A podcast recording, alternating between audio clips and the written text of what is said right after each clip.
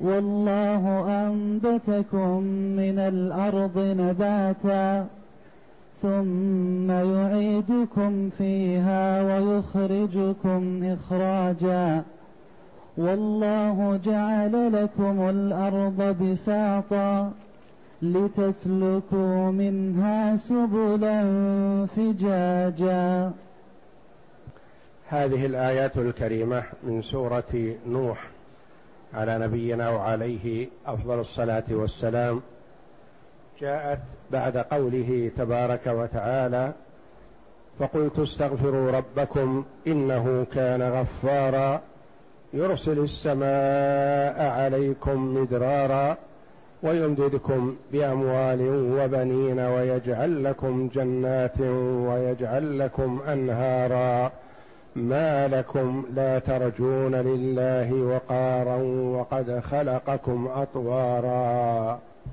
ألم تروا كيف خلق الله سبع سماوات طباقا؟ بعدما بين نوح عليه الصلاة والسلام لقومه ما هي الفائدة والثمرة التي تحصل لهم من إيمانهم بالله واستغفارهم لخطاياهم. ذكر ذلك فوائد دينية أخروية وفوائد دنيوية. فقلت استغفروا ربكم إنه كان غفارا. يغفر لكم ما سلف من خطاياكم. ثم ذكر ما يعطيهم الله جل وعلا في الدنيا. يرسل السماء عليكم مدرارا ويمددكم بأموال وبنين ويجعل لكم جنات ويجعل لكم أنهارا. هذا ترجيه يرجيهم بما سيحصل لهم من الفوائد العظيمة بإيمانهم بالله. ثم خوفهم فقال ما لكم لا ترجون لله وقارا؟ وذكرهم بحالهم وتقلبهم من طور إلى طور. وقد خلقكم أطوارا. لما ذكرهم بحالهم ومنشأهم ذكر ما حولهم مستدلا على عظمة الله تبارك وتعالى. فقال ألم تروا كيف خلق الله سبع سماوات طباقا؟ الخطاب لكل من من كل من يتأتى له الخطاب ممن يدرك ويفهم. ألم تروا كيف خلق الله سبع سماوات؟ خلق الله سبع سماوات طباقا يعني طبقات واحدة فوق الأخرى وهكذا. وهذا شيء مدرك يدركون السماء الدنيا يرونها. وما فوقها أدركوه بالأخبار سبع سماوات طباقا وجعل القمر فيهن نورا وجعل الشمس سراجا. الله جل وعلا جعل القمر فيهن فيهن قال بعض المفسرين القمر في السماء الدنيا. ونوره في السماوات لأن وجهه إلى العرش وظهره إلى الأرض فهو منور للأرض ومنور في السماء وجعل القمر فيهن نورا. قال بعضهم القمر في السماء الدنيا ونوره للأرض فقط. وقال تعالى وجعل القمر فيهن نورا. لأنه ما دام في واحدة منهن فهو فيهن. أطلق الكل وأراد البعض وهذا يتأتى كثير. قال بعض المفسرين ممثلا كما لو قلت جاءني بنو تميم. ما جاءك بنو تميم كلهم وإنما جاءك جماعة منهم. وجعل القمر فيهن نورا. جعل القمر نور.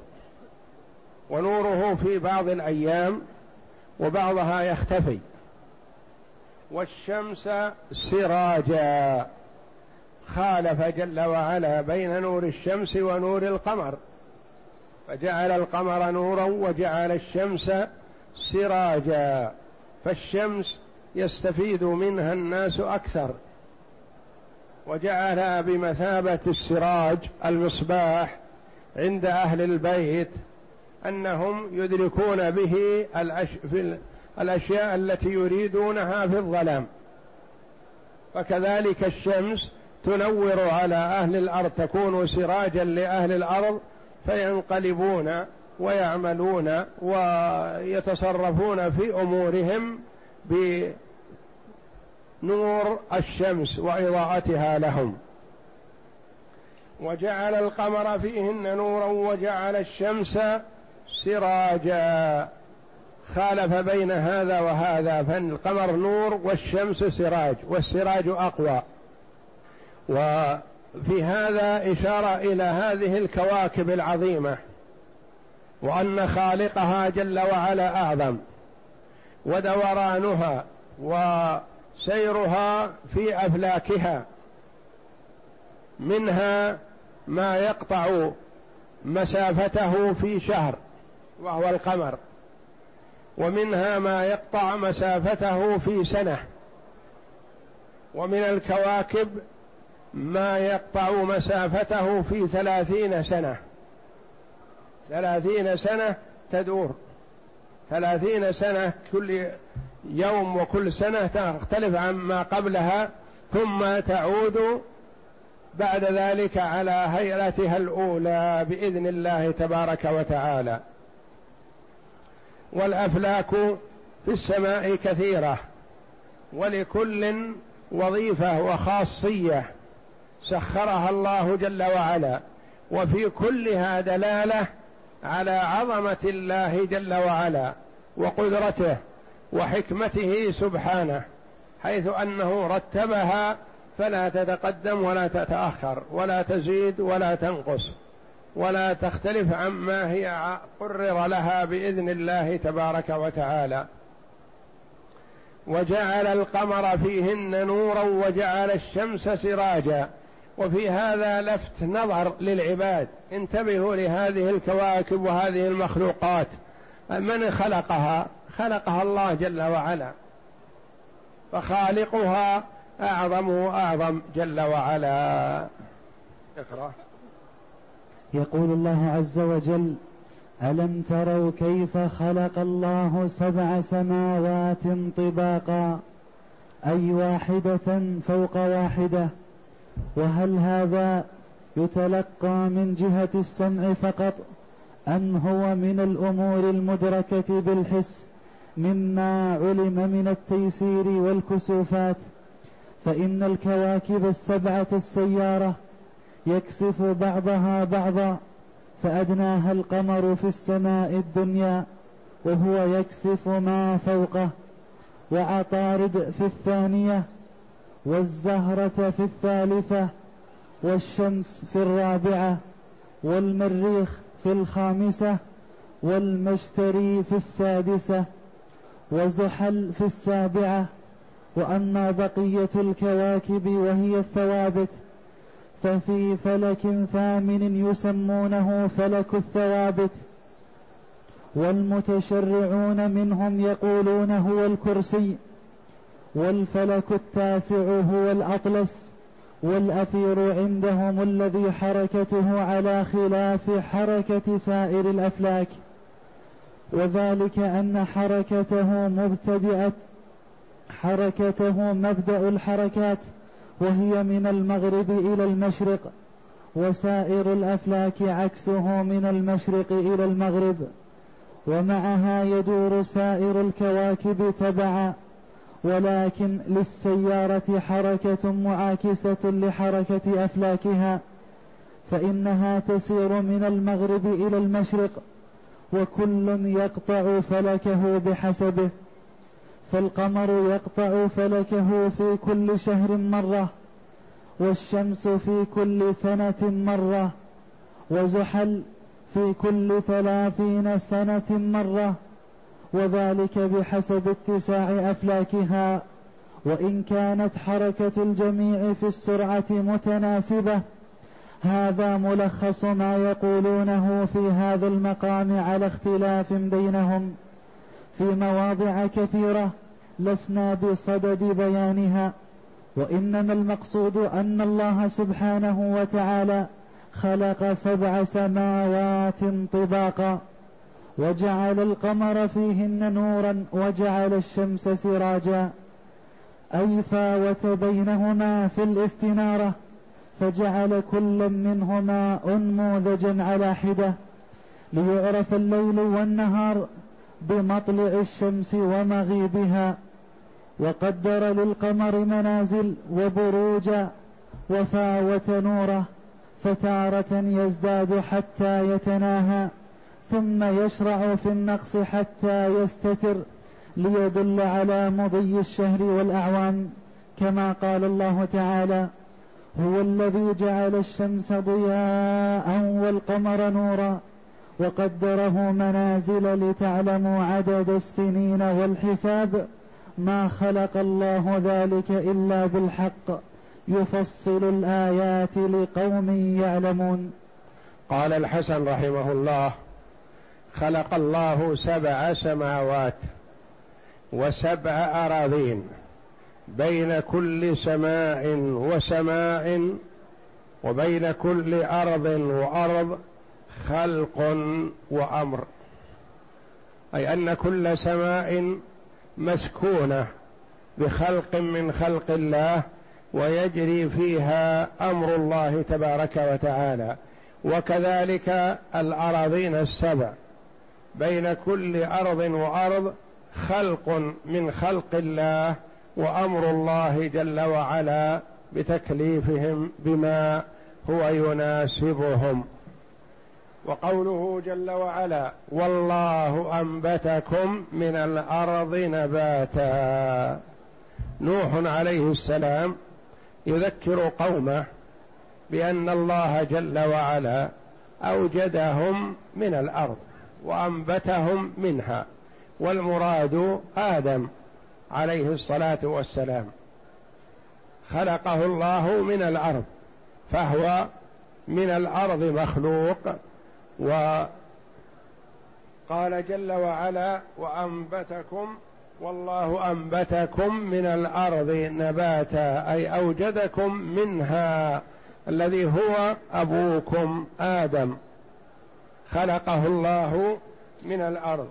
والمعنى أنشأكم منها إنشاء فالقادر على إنشائكم من الأرض من التراب والطين والماء حتى صرتم على هذه الهيئة وهذا الشكل قادر على بعثكم بعد الموت.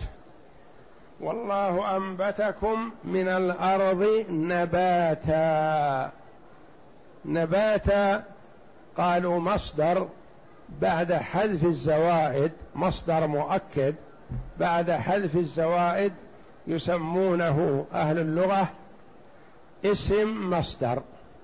يعني إذا ما كان منطبق على الفعل تماما سموه اسم مصدر.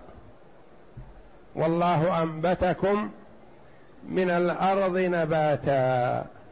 نباتا اسم مصدر والأصل انباتا فحذفت الزوائد. وقيل المعنى والله أعلم. والله أنبتكم من الأرض انباتا فنبتتم نباتا. فحذف من الجملة الأولى المصدر وحذف من الجملة الثانية الفعل.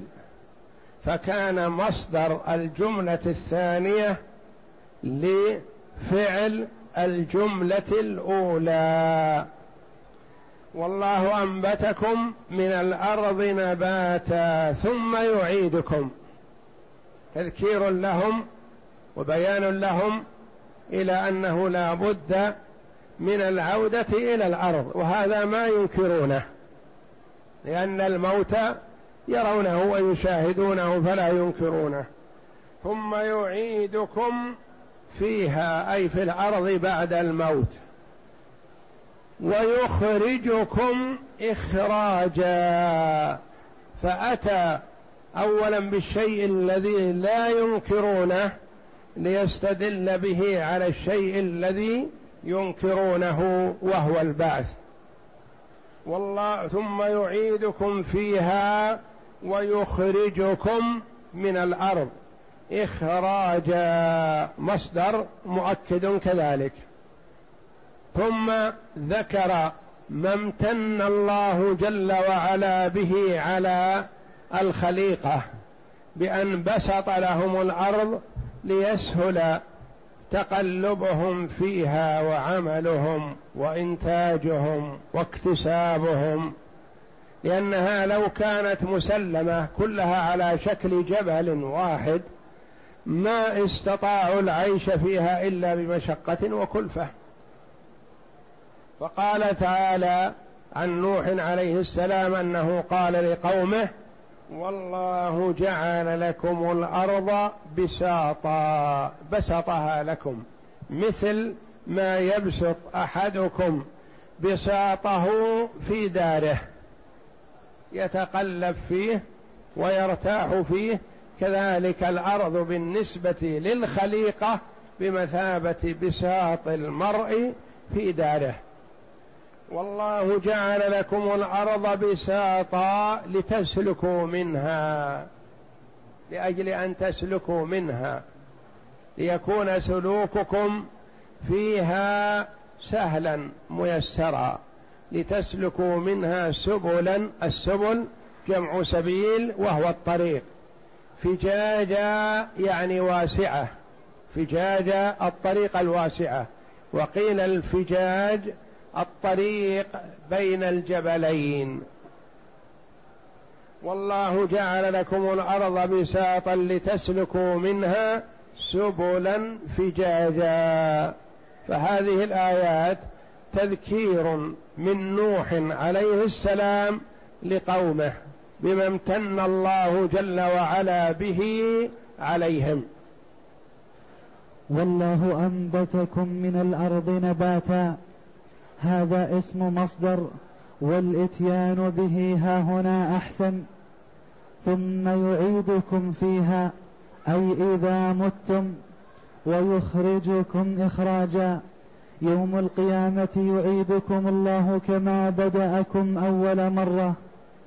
والله جعل لكم الأرض بساطا أي بسطها ومهدها وقررها وثبتها بالجبال الراسيات الشم الشامخات لتسلكوا منها سبلا فجاجا أي خلقها لكم لتستقروا عليها وتسلكوا فيها أين شئتم من نواحيها وأرجائها وأقطارها وكل هذا مما ينبههم به نوح عليه السلام على قدرة الله وعظمته في خلق السماوات والأرض ونعمه عليهم فيما جعل لهم من المنافع السماوية والأرضية فهو الخالق الرازق جعل السماء بناء والأرض مهادا وأوسع على خلقه من رزقه فهو الذي يجب أن يعبدوه وحده